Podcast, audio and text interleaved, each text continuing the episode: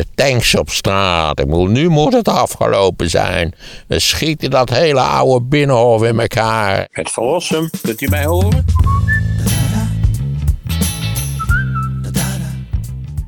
Dan was er deze week een rapport van het Sociaal en Cultureel Planbureau en het ging over de onvrede in Nederland. Eh, heb je de uitkomsten van dat rapport gezien? Nee, maar die, ik, als ik het allemaal goed heb begrepen. Ja, wacht even, ik heb er wel iets over gelezen. Ik wou net zeggen, dit lijkt me echt iets voor de kwaliteitskrant om hierover te schrijven. Nou ja, ik heb in ieder geval gelezen dat migratie toch een heel belangrijk punt is geweest bij de, bij de verkiezingsuitslag. Met name dus het idee van eh, stop de migratie en zorg dat je dat gaat controleren. Naar mijn idee volstrekte onzin. Of als ze dat al zouden proberen uit te voeren, ja, dan zul je toch bijna alle belangenorganisaties in Nederland die, die iets te maken hebben met geld verdienen voor de kop moeten stoten. Er is meer steun voor harde acties tegen de overheid bij mensen die weinig Oh, ja, nee, vertrouwen sorry, hebben in de ja. politiek. Nee, nee, nee, dat heb ik gelezen. Maar Ja. dat, dat moet je wel een beetje. eh, Dat moet je wel een beetje constructief lezen, die, die, die mededeling. Want daar bleek uit dat, dat eh, de overgrote meerderheid is, is volledig tegen geweld. Dus ja, dat harde acties. Kennelijk is er een zekere sympathie om je vast te laten lijmen. En, en, en is het aan de rechterkant eh, misschien ook wel sympathie als er geprotesteerd wordt tegen de komst Ja. van AZC's. Ja, of- wat is een harde actie? Wat Extinction Rebellion nu doet op de A10. Ja, Is dat ja, een harde actie? Nee, dat noem ik geen harde actie. Ja, daar vallen, daar vallen, je wordt gewoon nat gespoten, hè, daar komt het op neer. En na een tijdje dan eh, worden ze, word je losgemaakt als je je vastgelijmd hebt en dan ga je weer naar huis toe. Ja, ik, ik, heb, al gezegd dat ik daar best sympathie voor had, alleen dat ik, lijkt me, leek mij dat je dan vrij snel weer iets nieuws moet verzinnen. Omdat als je natuurlijk alsmaar hetzelfde doet, dan raken mensen eraan gewend. Nou ja, harde actie. Denk aan die tractoren van die boeren. Die, die, ik weet niet, die zijn nu allemaal defect geraakt om een geheimzinnige reden. Daar horen we wat minder van. Eh, maar ja, dat was eh, op zichzelf een uiterst verstorend. Sterker nog, ik vond dat de overheid daar eh, volledig tekortschoot ineffectief optreden. Dat vind je een harde actie. Ik vond dat vrij hard in de zin dat het eh, veel gevaar met zich meebracht. Dat ze niks te zoeken hadden op de vierbaanswegen.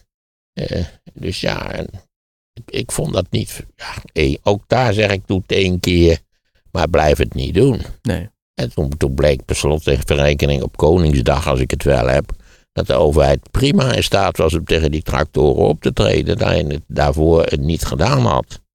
Weet ik veel om het niet op conflict aan te laten komen. Ja. Dus ik was, in feite was de teneur, ja, de burgers mogen optreden als de overheid kennelijk niet bereid is of in staat is om te luisteren naar de klachten die de burgers hebben. En dat lijkt mij eerlijk gezegd, lijkt mij dat wel juist. En we hebben natuurlijk al die affaires gehad waarbij de overheid zo'n rare, machteloze, dysfunctionele, halfgare indruk gemaakt heeft. Nou ja, allemaal meer die toeslagenaffaire. We hebben, we hebben Henk Kamp gezien, die nu plotseling zielig geworden is, heb ik begrepen, maar die ik nog niet zo zielig vind. Hoezo is die zielig eh, geworden? Nou, omdat hij, dat hij over, dat hadden we het vorige week toch over, dat hij overal nu de schuld van krijgt. Ja, de zondebok. De zondeboktheorie, ja. Ja, je ziet. De zondebok zelf is natuurlijk een ontzettend leuke metafoor. Want het idee was natuurlijk dat, dat één keer per jaar of zo werd er een bok uitgezocht. Het waren geitenhoeders die dat dit werk eh, verrichten. En die werd dan beladen, op rituele wijze beladen met, met zondes. Van die, die, de, die de groep had bedreven. Naar eigen inzicht. En dan werd hij de woestijn ingejaagd. Waar die, dat ging hij natuurlijk niet overleven, die eenzame bok. Dat begrijp je. Dat is de zondebok. Het is, een- het is een ritueel. Dus je zondert één enkele persoon, bok, af. En die, ja, die stuur je naar de Wild Blue Yonder. Ja. Bijna 1 op de 5 Nederlanders vindt zelfs dat de overheid zo slecht functioneert dat het hele systeem maar het beste omvergeworpen kan worden. Dat staat ook in dat rapport. Ja, maar dat, dat bleek ook genuanceerd te moeten worden. Als ik, het, eh, als ik mij het, het lezen van dat verhaal goed herinner, moet je dat ook nuanceren. Want dit kun je dus zeggen van revolutie. De tanks op straat. Ik nu moet het afgelopen zijn. We schieten dat hele oude binnenhof in elkaar. En, en nou ja, een soort Franse revolutie achter. We gaan ook de hele. Er komen tribunalen We, hebben, we, we huren weer een oude eh, guillotine in Frankrijk. Hè. Daar zijn ze er ook mee opgehouden, geloof ik. Wij willen best een paar van die guillotines hebben. En dan gaan we ze even behoorlijk de boel aanpakken. Nee, natuurlijk, dat is helemaal niet de bedoeling, naar mijn idee. Het feit is natuurlijk dat in allerlei opzichten de Nederlandse overheid, zeker comparatief, redelijk functioneert. Maar dat op een aantal punten inderdaad de overheid zelf allerlei enorme administratieve problemen heeft veroorzaakt. Eh, vaak, naar mijn idee, uit ideologische overwegingen. En vervolgens niet in staat bleek om ze op te lossen. Maar dat heb ik al eerder gezegd. Natuurlijk is de, de, de, hoe heet het, de toeslagenaffaire dat is verschrikkelijk voor alle betrokkenen. Maar macro-economisch is het natuurlijk een grotendeels betekenisloos, betekenisloos fenomeen. Dus de, vandaar dat ik vorige keer zei: kijk naar de economie van Nederland, daar is niks mis mee. Nee. Het is die Portugees. Zij, ligt er nog wakker van, daar begrijpt er geen kloot Ja. van. Ja. Ja, hier staat het ook inderdaad. Dat mensen harde actie steunen betekent niet dat ze zelf ook in actie komen. Dat Nee, doet- dat is precies. Ze hebben er helemaal geen puff in, natuurlijk. Ik heb nooit te beleven gedemonstreerd. Ik, ik, ik, ik, ik zou wel tegen bepaalde dingen willen demonstreren, maar dan, dat, dat, zover is het op de tweede niet gekomen. Oké. En verreweg de meeste Nederlanders steunen het recht om te demonstreren, maar krijgen afkeurig geweld of eh, ordeverstoringen bij demonstraties en protesten af. Ja, je moet ook natuurlijk je, je demonstratie altijd aanmelden bij het gezag en zo. En krijg je politiebegeleiding. En we hebben het allemaal keurig georganiseerd. Ik weet, ja, laten, laten flink gedemonstreerd worden. Het probleem is natuurlijk dat je, dat je vaak als gevolg van de demonstraties overschat je eigenlijk de ernst van het probleem. Ja. In het geval van de klimaatdemonstranten lijkt mij dat niet zo. Mensen die zich niet gehoord voelen, vinden vaker dat de overheid het verdient om hard te worden aangepakt. Ja, dat begrijp ik ook wel. Dat is nogal voor de hand liggend, toch? Ja. En dan wordt het natuurlijk. eh, Nou ja, maar hoe is het eigenlijk om gehoord te worden? Ik bedoel, hè? heb je het gevoel dat wij gehoord worden? Word ik gehoord? nou ja, ik denk dat de podcast wel eh, natuurlijk door mensen beluisterd wordt. En dat mensen dat dan weer in een omgeving doorvertellen. Dus dan heb je natuurlijk wel een soort Ja, van ik heb toch niet de indruk dat ze dan in de treffenzaal eh, vrijdag... eerst even hamer, jongens. We hebben nu allemaal eh, verplicht geluisterd naar de podcast van Maarten van Rossum. En laten we wel wezen, eigenlijk heeft hij altijd gelijk. We moeten daar nu... eh, er was, ging nog één vinger omhoog, moeten we hem niet uitnodigen bij de kabinetsvergadering. Nou, dat vonden ze toch wel iets te ver gaan. niet gekozen figuur daar uit te nodigen. Zou je dat graag willen? Ja, precies. Ik? Nee, nee, nee, ik zou het niet graag willen. Ik ben volledig mij bewust van de complexiteit van de problemen. Eh, nogmaals, het, eh, het, is toch een beetje. Je zit daar en dan denk je, ah, ik heb macht. Ik heb toch de verhaal over die, arme, die Amerikaanse presidenten. Vrijwel allemaal hebben ze zo'n verhaal. Als ze zijn geïnaugureerd, nou, dat is dan meestal een uur of twaalf dan. Op die dag, 20 januari. Tegenwoordig, althans vroeger was het 3 maart. Eh, en dan eh, gaan ze naar het Witte Huis. Dan gaan ze achter dat bureau zitten. Ja, dan moet je ook nog, eh, je moet wel andere gordijntjes willen en zo. Dat kunnen ze regelen voor je. Dat schijnt heel snel te kunnen. En dan zit je achter die, die, die Lincoln desk, of heet dat ding? Dat ding wat ze uit dat, eh, dat schip gemaakt hebben. En nou ja, wat dan? Dan blijkt eigenlijk dat je natuurlijk, waar moet je beginnen? En je bent in, in het begin natuurlijk geneigd om alle problemen, die moeten allemaal, waar je van in de campagne hebt gezegd, dat is schandelijk, dat gaan we aanpakken. En heel snel komt er iemand die zegt, joh, weet je hoe dat werkt? Dat heeft weinig zin om alles tegelijkertijd aan te pakken. Concentreer je op één of twee dossiers en dan moet je elke dag nabellen. Ook als president. Wordt er iets gedaan? Zo ja, wie en waar en hoe? En dan is het nog allemaal even stroperig en traag en moeizaam. Zo werkt het. Er is nader onderzoek nodig om te kunnen aangeven wat mensen concreet verstaan onder hard aanpakken en het omverwerpen van ja, het precies. overheidssysteem. De terminologie was eigenlijk ontzettend vaag. En steeds werd er dan gezegd, ja, keihard aanpakken. En dan in de volgende alinea stond, ja, dat bedoelen ze eigenlijk niet zo. Dus het was, eh, je zit daar wel verbaal, is dit een lastig klusje. Oké, dus jij was niet zo onder de indruk van dit rapport? Nee, no- 0,0 eerlijk gezegd. Nee, Vandaar dat ik me ook niet 1, 2, 3 voor de geest kon halen. nee, nee, nee. nee.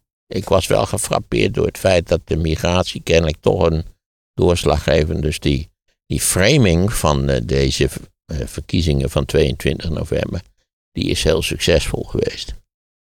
In de zin van de tsunami en hoe verschrikkelijk het allemaal wel niet was. En, en ja, de bekende Apelse beelden en zo. Dat, dat heeft, de framing van de VVD is een enorm succes geworden. Ja. Alleen hadden ze dus niet begrepen dat er een andere partij was. Die zich al 15 jaar met, dat, met, met die zaak, of zeg ik sinds 2004, met die zaak heeft bezig gehouden. En altijd de zaken nog veel ernstiger heeft geframed dan de VVD dat kon. Ja. Klassieke, klassieke politieke fout. Ga niet met ze mee, is trouwens het wat alle, alle geleerden zeggen. Ga niet met de populisten mee. Laat duidelijk merken wat jij erover denkt, hoe het eventueel anders zou kunnen. Maar ga hun terminologie niet gebruiken. Eh, faciliteer ze niet.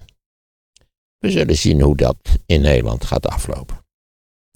En dan hebben we ook eh, Trump die in eh, wat staten wordt uitgesloten. Ja, en meen keer. nu.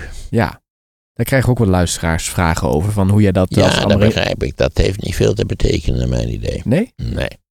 Dat artikel uit de grondwet, of een van de amendementen is het volgens mij. Eh, dat betreft ook in feite een heel andere zaak. Alle functionarissen die daarin worden genoemd, een heleboel. Maar behalve de president in feite. En dat had te maken met, met de reconstruction, met de periode na eh, afloop van de burgeroorlog. Waarbij de Republikeinen bang waren dat eh, sympathisanten van de Confederate zaak. dat die zich in allerlei commissies zouden laten verkiezen. En die wilden dat verhinderen. En daar was dat artikel 14 is het geloof was dat, daarvoor is het gemaakt. Dus het gaat hier wel eigenlijk om oneigenlijk gebruik van een artikel. Eh, eh, en zeker als je de, de zaken historiserend bekijkt. Het, ik zou werk van mijn stoel vallen van verbazing als het Hoge Rechtshof deze uitsluiting zou bevestigen. Maar als nou meer staten dit gaan doen, eh, want Colorado heeft het ook al gezegd, dat ze Trump... Alleen Colorado en Maine. Ja. Want het is voorgesteld in diverse andere staten. Californië bijvoorbeeld, daar heeft de chef verkiezingszaken gezegd: ik begin er absoluut niet aan. Wat ook een democrat is, hè? idem dito. Ik dacht, oh, nou ja, god, eh, nou, er zijn meerdere staten waar dit aan de orde is gesteld. Omdat er in meerdere staten rechtszaken gevoerd worden op basis van dat artikel 14. Ja. Laat ik even, trouwens, laten we even uitzoomen, zoals dat heet. En dan moet je natuurlijk zeggen dat in een land een volstrekte gek als Trump, niet waar, die, die eh, eh, tot op de dag van vandaag ontkent dat de verkiezingsuitslag van 2020 dat die correct was. Die in feite wel degelijk aangezet heeft tot een soort halfgare, incompetente bestorming van het kapitool. Dat die man gewoon weer een reële kandidaat in verkiezing is, vind ik volkomen idioot. Anders kan ik het niet noemen. Is een, een testimonium paupatatis van je democratische systeem. Maar deze manier om hem te elimineren, die artikel 14 manier, die lijkt mij niet verstandig. En nogmaals, ik ben ervan overtuigd dat het Hoge Rechtshof eh, de, zal zeggen dat is niet correct. Dat was ook al, dacht ik, de verwachting van velen eh, dat, dat dat zou gaan gebeuren. Dus jij ziet het als een poging om hem eh, bij het presidentschap weg te houden. Dus een bewuste actie. Zeker, die rechtszaken zijn bewust. En iemand is op dat lollige idee gekomen om dat artikel daarvoor te gebruiken, wat dus eigenlijk bestemd was voor iets, een ander probleem. Je zou ook kunnen zeggen, dit sterkt hem alleen maar eh, dat... Vrijwel alles, niet waar, wat je tegen Trump onderneemt, niet waar, versterkt zijn electorale basis. Ja, dat wordt allemaal gezien als nou ja, een poging om hem van het presidentschap af te Ja. houden. Wat het natuurlijk ook is. Laten we wel wezen. dat dus electoraal kan die hier zijn voordeel Ja. mee doen. Jammer genoeg zijn er geen effectieve en overtuigende methodes om een gek van het presidentschap af Ja. te houden. Ja. En dat zie ik als een zwakte van het systeem. En dan krijgen we ook nog die verschillende rechtszaken. Ja, nou goed, daar, nog tot nu toe is daar geen enkele uitspraak gedaan. Dus hij is niet veroordeeld in geen van die vier. Nee, maar die processen gaan natuurlijk wel spelen. Ja, dat gaat misschien wel spelen. Met alle media-aandacht. Maar hij zal het zo lang proberen te traineren dat hij in ieder geval genomineerd kan worden. Ja. Kijk, als het een beetje mee zit, dan is hij eh, is die natuurlijk al in maart of zo eh, is hij al de genomineerde volgend jaar. Ja, een rare gewoonte toch eigenlijk. Dat je dan zo'n jaar afsluit en dan allemaal rituelen en terugblikken op het jaar. hoe was het en, en, en weer, de hoop, niet waar? Je hebt ook die hele symboliek dat je zo'n zo'n zo'n bejaarde met een rollatortje zie je die het theater verlaat en dan uit, vanaf de andere kant komt uit de coulissen komt een, een hoopvolle baby op een soort van, eh soort van strandwagentje naar binnen gereden. Het is natuurlijk allemaal de grootst mogelijke flauwekul. Ik was deze dagen bij wat mensen die krijgen dan allemaal kerstkaarten van hun werk. En dan Ja. schrijft hun baas ook van ja, ga er nou maar eens even goed voor zitten deze dagen. Pak Ja. pen en papier, telefoon weg en schrijf eens even op wat de hoogtepunten waren. En wat je volgend jaar beter wil doen. Dus het is toch eh, zo'n moment waarop iedereen denkt zo. Ja, ja, ik heb me ook al jaren geleden voorgenomen om geen goede voornemens erop na te houden. Nou, Ik heb helemaal geen goede voornemens. maar niemand houdt zich er ook aan. Het is de eerste dagen dat je het even volhoudt en dan eh, verval zijn, je er, weer. zijn er al mensen die echt gewoon slechte voornemens maken.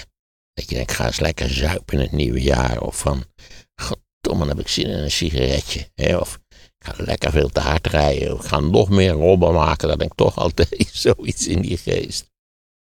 Dat zou wel grappig zijn, ja. Even kijken, nooit eerder zullen er zoveel verkiezingen samenvallen als in 2024. Dat ja, nog gaat uh, skateloos. Ja, want we hebben natuurlijk Trump, maar we hebben ook in België is in ieder geval... eh, ja, je weet dat wat er ook gebeurt in België, dat is geen gevaar voor de wereldvrede. Nee, Dat is dan wel een heel fijn land, nietwaar? Dat is zo chaotisch georganiseerd dat het eigenlijk geen kwaad kan. Maar het is natuurlijk wel ook eh, interessant om te kijken of daar het sentiment wat wij hier hebben, of je dat daar ook ziet. Met- Nou, in principe is het sentiment dat wij hebben, is, is overal aanwezig. ja, Want dat, eh, mijn, mijn, ik- omdat ik nu daar zit te lezen over hoe we zover gekomen zijn eigenlijk. Er waren al meerdere momenten dat, eh, hoe heet het, dat Wilders gepeild werd op, nou toch 30 zetels of zo. Dus in, in dit jaar bedoel je? Nee, nee, nee, nee, dit jaar niet. Nee, al veel eerder, in 15, 2015, 2016, niet waar? Toen met de grote eh, crisis van die migratiecrisis. Weet je wel, met, met weer Schaffendas. Oh ja, Is, is, werd de PVV ook gepeild op, op nou, 29, 30 zetels. Dus dat, eh, eigenlijk, is, die, is dit de eerste keer dat hij zijn, hoe moet je dat zeggen, zijn volledige electorale potentieel eh, waarmaakt. Maar dat was er dus al wel. bij de verkiezingen. Het was er wel, maar omdat hij buitengesloten werd, was er kennelijk een hele grote groep die dacht, ja, we heeft een verzin om op Geert te stemmen. Ja, Want hij, hij, hij blijft toch maar boos daarvoor aan zitten. ja, Hè? precies. En hij werd natuurlijk uitgesloten, altijd. Ja, en dat bleek een heel verstandig beleid te zijn. Ja. Wat dat betreft had Rutte de grootste gelijk van de wereld. Ja, ja. Ja, en natuurlijk nu is wel dat het daar volgens mij de vorige keer over dat iemand zei van ja, we krijgen nu een jaar van stilstand, want er wordt natuurlijk eh, gesproken en dat kan heel ja, lang dat duren. een hoop gelul. Ik ben benieuwd hoe lang het allemaal gaat duren. Dan zullen de mensen misschien erg ongeduldig worden. Dat maak je ook weer. Hè, want dat was nou juist in dat onderzoek waar we het er net over hadden. Dat, is de, dat de politiek een dysfunctionele en weinig effectieve indruk maakt. Dat is, lijkt mij correct. Ja, Dat lijkt mij voorkomen juist, eerlijk gezegd. We hebben nu al, al, al 2,5 jaar verprutst, om het maar even zo te zeggen, waarin in feite geen enkel eh, besluit van enige betekenis genomen is. En ik was nu ook bij, met deze kerstdagen bij iemand en die zei van ik wilde iets doen na die eh, uitslag, want ik was heel erg geschrokken. En die was toen, eh, of die is lid geworden van de P van de A. Dat was zijn manier om te zeggen van hè, dan, eh, dan, dan laat ik ook horen dat ik, eh, dat ik iets doe. En die kwam toen allemaal in kennismakingsgroepjes online terecht met allemaal mensen die hetzelfde gevoel ook hadden. Ja, ik begreep dat er duizenden nieuwe leden zich Ja. hadden aangemeld. Zeker. Vooral bij de P van de A was de, de grootste eh, groei te zien. Oh, Of bij die combinatie dan van GroenLinks. ja, PvdA. goed, als combi. Ja. Kon jij combi-lid worden? Dat weet ik eigenlijk Ik heb het zelf niet gedaan, hè, maar het is dus eh, een, eh, een, een vriend die heeft zich eh, aangemeld. Ah, nou ja, ik ben slapend lid. Dus, Maar hij werd ik, er- ik had mij natuurlijk, na, hoe heet het, na Rutte 2 had ik me af moeten melden. Niet waar, vanuit mijn verschrikkelijke front. En nog kan me er nog enorm oneidig over maken, eerlijk gezegd. Maar eh, weinig zin heeft dat natuurlijk. Denk je dat Timmermans blijft? Ik heb geen idee. Het zal, het zal voor hem ook een, een worsteling zijn, moet ik hier blijven zitten. Eh, de ik denk dat hij minimaal de zaken eh, een jaar of twee zal aankijken. Minimaal. Want ja, wat voor zekerheid heb je dat een eventueel nieuw te formeren kabinet van welke wonderlijke aard dan ook, dat dat ook blijft zitten. Want we hebben natuurlijk te maken met een dominante partij waarvan het overgrote deel van het programma onuitvoerbaar is. Hmm. Nou, dat is natuurlijk een enorm. Op zichzelf is het een dol experiment. Dat je een partij aan de macht krijgt die eigenlijk een programma heeft wat onuitvoerbaar is. Of dat nu is eh, uittreden uit de Europese Unie, terug naar de euro. Alle wet en regelgeving die direct met de Europese Unie te maken heeft. De ongrondwettigheden die in het programma verwerkt zitten. Het is allemaal onuitvoerbaar. Dat wil zeggen, als het wel uitvoerbaar blijkt te zijn. Nou, dan gaan we, we dus eh, nog wat rampen tegemoet. Als we met een exit onderhandelingen beginnen. Want je weet, dat is geen kattenzeik. Weet je nog, in Engeland. Ja, dat was afschuwelijk. Jongen, jongen, jongen, jongen. En nou ja, ze zegt, het schijnt dat de Engelsen er nu massaal spijt van hebben dat ze dat gedaan hebben. Maar wij willen eruit. Ja, hij zal wel zeggen, ja nee, dat is in de ijskast. Er zit ineens een hele grote ijskast. Want dan zou natuurlijk toch blijken, en naar mijn idee is dat toch vrij pijnlijk, dat eigenlijk alles wat je de afgelopen, eh, nou ja, bijna twintig jaar beweerd hebt, het grootst mogelijke gelul was en dat het nergens op slaat en onuitvoerbaar is. Wat natuurlijk tal van mensen al gezegd hebben in de afgelopen jaren. Ja, je kunt het wel zeggen dat je uit de EU wil, maar het is onzin. Mm. Of uit de euro. Maar hij zal zich heel goed beseffen, dit is mijn kans om mee te kunnen gaan doen. Ja, dus precies. En, dan, dat, dat, en dat is natuurlijk het gevaar wat hem dan weer bedreigt. Dat hij meedoet en dat, ja, dat, dat natuurlijk een deel van zijn electoraat zou zeggen, dat is me nou ook wat.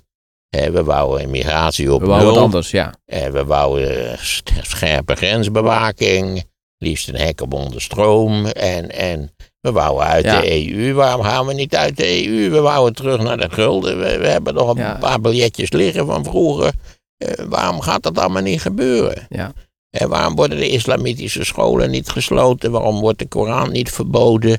Nou ja, zo kunnen we Ja. nog wel even doorgaan. Maar ik vond het toch wel leuk tijdens die gesprekken met kerst wordt toch een beetje die onvrede in het land en ook de verschillen tussen eh, de regio's in het land duidelijk. Want eh, deze jongen die dus lid was geworden van de PvdA, die eh, woont dus nu in Utrecht. Die komt uit Laren, niet het Laren hier in het Gooi, maar Ja. in het noorden van het land. Wat is dat, Gelderland of zo? Of, Weet ik niet. Ik Nou, in weet ieder niet. geval- Ik niet dat er een tweede laren, dat moet verschrikkelijk zijn. ja, er is een tweede Laren. een soort van... Maar het is meer een boerendorp, laat ik Oh, het zo zeggen. En dan was met vrienden was hij op stap geweest en die hadden allemaal gezegd, ja, we hebben PVV gestemd.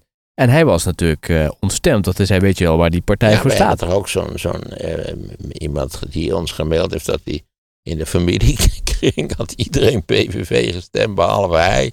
Ja, en dat is natuurlijk mijn, mijn makke is, of als je dat zo wil noemen althans, dat ik niemand ken die PVV heeft gestemd. Niemand. Helemaal niemand. Sterker nog, dat ik alleen maar mensen ken die zeggen van, oh wat verschrikkelijk, oh wat erg, enzovoort, enzovoort.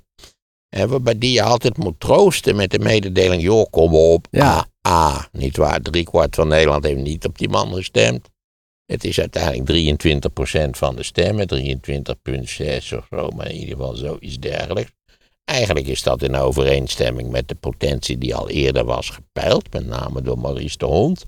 Eh, eh, en bovendien, het, het overgrote deel van het programma is volstrekt onuitvoerbaar. Of, of er moeten zulke wonderbaarlijke dingen gaan gebeuren dat ik, dat ik een heel jaar lang eh, verbaasd uit mijn raam zal, zal blijven kijken. Precies, maar hier zie je dus heel mooi dat dan, want dan spreken ze elkaar erop aan van waarom heb jij op eh, de PVV gestemd? En dan zegt die mensen, ja, maar we zijn helemaal niet voor al die moskee Nee, ideeën. dat is ook wat die Maar man, dan- dat had ik je toch verteld, die, die in Heemstede bij mijn lezing op de voorste rij zat. Ja. En die, die de moed had om in dat gezelschap van, leken mij eigenlijk allemaal tevreden, de, eh, matige VVD'ers, eh zijn vinger op te steken. Ja. En toen zei ik van, ja, weet u wel waar u op heeft Precies. gestemd? Maar Toen ze, zei hij ook van, ja, dat gaat allemaal niet gebeuren, maar het was wel tijd dat ze een signaal kregen Precies. in Den Haag. het moet anders, wordt er dan gezegd. We willen Ja. dat het anders gaat. Ja, Tijd voor verandering. ja, dat zal ze tegenvallen, hè.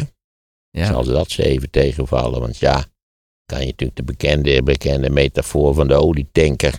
Hè, voordat je die van de koers verandert, dat valt niet mee. We hebben natuurlijk ook, net als overal, is er een deep state. Een immens, nietwaar, eh administratief eh, apparaat. Wat zijn eigen gewoontes en routines heeft. En nou ja, wat je niet 1, 2, 3 van de koers krijgt. Heb je nog eh, meegekregen over eh, de slimste mensen, dat de kijkcijfers wat eh, gedaald waren en dat Tina Nijkamp zich daar ook over Ja, uitgesproken dat heb heeft? ik ook gezien, ja. Nou viel het volgens mij nogal mee, maar ja, alleen we hebben, ik geloof dat de Mask Singer werd beter bekeken. Dat verbaast me niks. Nee, maar het is ook een topprogramma. ja, dat is echt leuk. Dat is een vorm van krankzinnigheid. Waar ik niets van begrijp. Maar goed, eh, ja. Nou ja, ik denk dat dat iets te maken heeft met het feit, dat schreef zij ook, als ik het allemaal goed begrepen heb, eh, dat, eh, dat ons vertrek te vroeg is aangekondigd. Ja, dat lijkt me inderdaad een kapitale strategische fout, maar nogmaals, mij treft geen blaam in dit. in Dat was dit niet jouw idee om dat nu naar buiten te brengen. Helemaal niet. nee, dat was het helemaal niet. Nou, ze vergeleken het met mensen die dan eh, gaan aankondigen van ja, we gaan verhuizen. En als dat dan nog een tijdje duurt, dan ga je toch al in je hoofd afscheid van die mensen nemen. En dan eh, probeer je al afstand te creëren. Nou Daar ja, dat- dit. misschien is dat het. We moeten ook even afwachten. Je ziet dat vaak bij de slimste mensen. Dat in de, in de eerste weken, in de eerste periode, dan eh, is het, valt het misschien een tikkeltje tegen. En Dat het dan, als het dan een aardige finale weken heeft, dan kan het weer bijtrekken. Trouwens, ja, kijkcijfers. Ik, kijk, ik kijk daar wat anders historiserend tegen aan. Wij zijn ooit begonnen met ongeveer 600.000, 700.000 kijkers. En nu zijn er een miljoen bijgekomen. En dan kun je zeggen, nou, het valt toch een beetje tegen. Je had er toch altijd wel 2 miljoen. Ja, ook lang niet altijd. Maar, maar in principe waren er wat dagen dat het 2 miljoen was of meer. En zeker in de finales en zo. Maar ik zie het gewoon tegen de achtergrond van wat wij ervan gemaakt hebben. Hm. Maar wat bedoel je daarmee? Nou ja, dat het een ongelooflijk succesvol programma is. Ja, ja, maar dat kwam natuurlijk door jou en Philip en door de humor en door... eh, Geen idee wat daar precies de redenen van zijn. Want er was natuurlijk altijd gevraagd, hoe kan dat nou dat met twee bejaarde mannen, waarvan er boven één, bovendien één, die ene die valt wel mee, dat is een hele leuke, aardige, vlotte man. Maar die andere, dat is me toch een zure, chagrijnige zeiker. Als ze die nou eens zouden vervangen, nou dan verdubbelen de kijkcijfers. Absoluut. Kijk ook naar België met dat ongelooflijke leuke programma. Nou ja, eh, ik Maar ze zeiden ook de scherpte ontbreekt een beetje en daar zitten minder grapjes in. En eh, Maarten is minder... Ja, dat was helemaal niet ons eigen gevoel. Dus ik, dit, ik moet je zeggen, dit zijn allemaal dingen die zich niet laten meten. Oké, Die naar mijn idee van een hoogst subjectief karakter zijn. Want ik begreep dat tegelijkertijd eh, de observatie was dat op één, sowieso Nederland, NPO 1, dat het daar heel slecht mee ging. Dus misschien is dat ook een, een, zeg maar een structurele achtergrond. Ah. Dat kan ik niet goed begroten. Dus ik moet zeggen, ik eh, maak mij daar helemaal geen zorgen over. de sfeer op de set was ja, goed. Ze hebben het zo georganiseerd dat het afscheid inderdaad al lang begonnen is. Ja, Ik heb echt gevoeld een beetje een afscheidstoer te maken. Ik ben Victor Mits is op bezoek geweest. En, en bij de slimste mens. ja, zeker. Wat kwam die doen dan? Nou, die heeft daar een programma gemaakt. Dan kun je zien dat wij er ook in tuinen met z'n tweeën. Oh, oké, maar is dat, in de, dat is in de slimste mens of is dat een Nee, speciaal... dat is in het decor van de slimste mensen opgenomen. Oh, en dat heeft te maken met jullie afscheid. Weet ik niet. Eh, Hij, hij vroeg of, die, of wij dat wilden doen. En eh, wij hebben besloten dat te doen. En dan gaan we natuurlijk nog naar, naar Herman van der Zand. Naar het mes op tafel. Dat doen we ook Ja, nog. ja, ja. Terwijl je nog helemaal lang niet weg bent, want je bent pas weg in 2025 bij dat programma. Ja, je hoort het van Tina Nijkamp. Wij zijn eigenlijk al weg. Wij zijn schimmer geworden. Wij zijn, wij zijn, laten we zeggen, we staan op de drempel van het dodenrijk. Ja. Er was ook iemand die zei van ja, haal ze maar meteen ervan af. Weet je, dus ze hebben gezegd dat ze gaan stoppen, haal ze er nu maar vanaf. Ja, die heb je ook. En dan een beetje meer de Belgische richting. Ah, ik denk dat die Belgische presentator graag bereid is om bij ons te komen presenteren. Maar ben je daarvoor om te zeggen van weet je wat, het is wel mooi geweest, we stoppen nu meteen. Nee, ik vind dat we langzaam moeten verdwijnen in het dodenrijk. Hè? Ik bedoel, ze hebben het nou eenmaal georganiseerd. Eh, nogmaals, eh, aan ons heeft het niet gelegen. Ik wil verder niet uit de doeken doen hoe dit zich allemaal heeft afgespeeld. Eh, maar het, het is, ik kan me dat, die overwegingen wel indenken. Maar ik, ik vind al die observaties puur subjectief. Oké, die zijn voor dingen- rekening van de journalisten die ze maken. ja, zeker. En als ik maar iets duidelijk geworden is van de mediajournalistiek. Je lult maar een eind weg. Het is toch oncontroleerbaar. Dus wat jij ervan vindt, dat, dat zo is het. Zou kijkcijfers zijn dat te is natuurlijk heel controleren. lastig. Je zou dat allemaal moeten meten. Ja, maar kijkcijfers kun je natuurlijk meten. En daar zijn Ja, natuurlijk- nou, die waren in principe wel iets minder. Maar eh, we hebben wel eens meerdere gehad dat het volgens mij wat minder was. En dan kan dat, eh, dat kan ook weer veranderen. ja, ja. ze hadden het er ook over dat het misschien te dicht op het eh, vorige seizoen zat. Want Ja, ook sorry, iets waar ik helemaal niet in gekend ben. Anders had ik gezegd, we een jaartje wachten. Dan zul je zien, dan knallen de cijfers weer omhoog. Nee, ik ga me er niet druk over Nee. maken, kan ik. Ik vind het wel weer heel leuk om te verschimmen. Hè? Om, om, om, ja, dat je langzaam zie je ze ook. Ik je zou er ook een heel leuk filmpje van kunnen maken. Dat je ons langzaam ziet verdwijnen. Een beetje, een beetje Elisabeth II in die, in die slotscène. Nou, misschien kunnen we die kerk huren. Met, met, die, met diezelfde scenaristen. Nou ja, je kunt met Filip kun je alles nog bedenken. Jullie hebben nog even de tijd om erover na te denken. Een heel jaar de tijd om Ja. erover na te denken. Ja, zeker. Ja, nou ja. Je moet even goed in de microfoon praten, anders horen we je Oh. niet. Oké. Ja. Ja, je ziet hem, hij zakt. Nou ja, misschien is dat ook al symbolisch dat ook die microfoon langzaam zakt. En dat je uiteindelijk dan nog alleen nog maar een soort krakend gefluister in de verte hoort. En dat, ja. Nogmaals, je moet, je, er, je, moet je, niet, je moet er niet te druk over maken. Het kan me enorm irriteren, de Hilversumse wereld.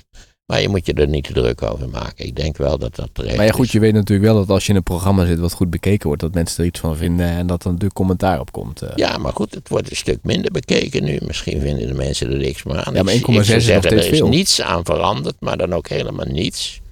Eh, ja, nee, je hebt, elk jaar heb je die klacht. Wat zeg ik? Bij elke ronde heb je die klacht. Ja, nu zijn ze zo stom.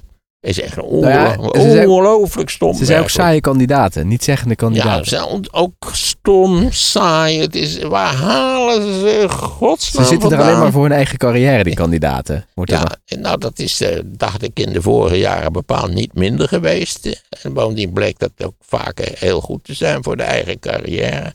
Waren er vaak up-and-coming types die er zaten.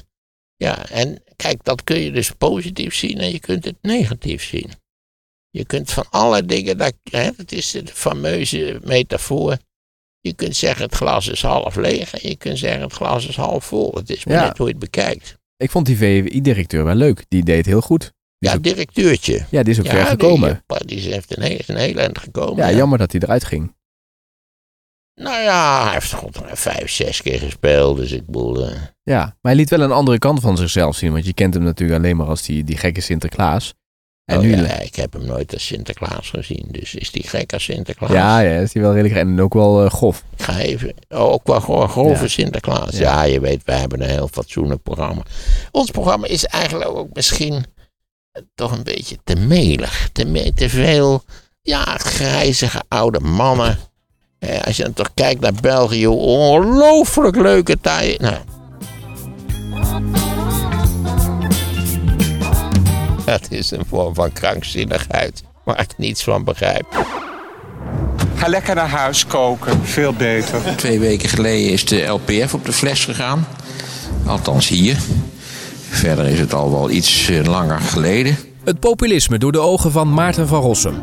En natuurlijk het, het echec van de LPF creëerde eigenlijk opnieuw ruimte ter rechterzijde van het Nederlandse politieke spectrum. En de vraag was toen eigenlijk wie gaat die ruimte opvullen? Download het luisterboek via de link in de beschrijving. En als je nog een podcast wilt luisteren, luister dan nu naar Sea Level. Met daarin het antwoord op de vraag waarom het niet verstandig is om s'nachts als je slaapt je mobiele telefoon op je nachtkastje te laten liggen. Het antwoord hoor je nu in de podcast Sea Level via de link in de show notes.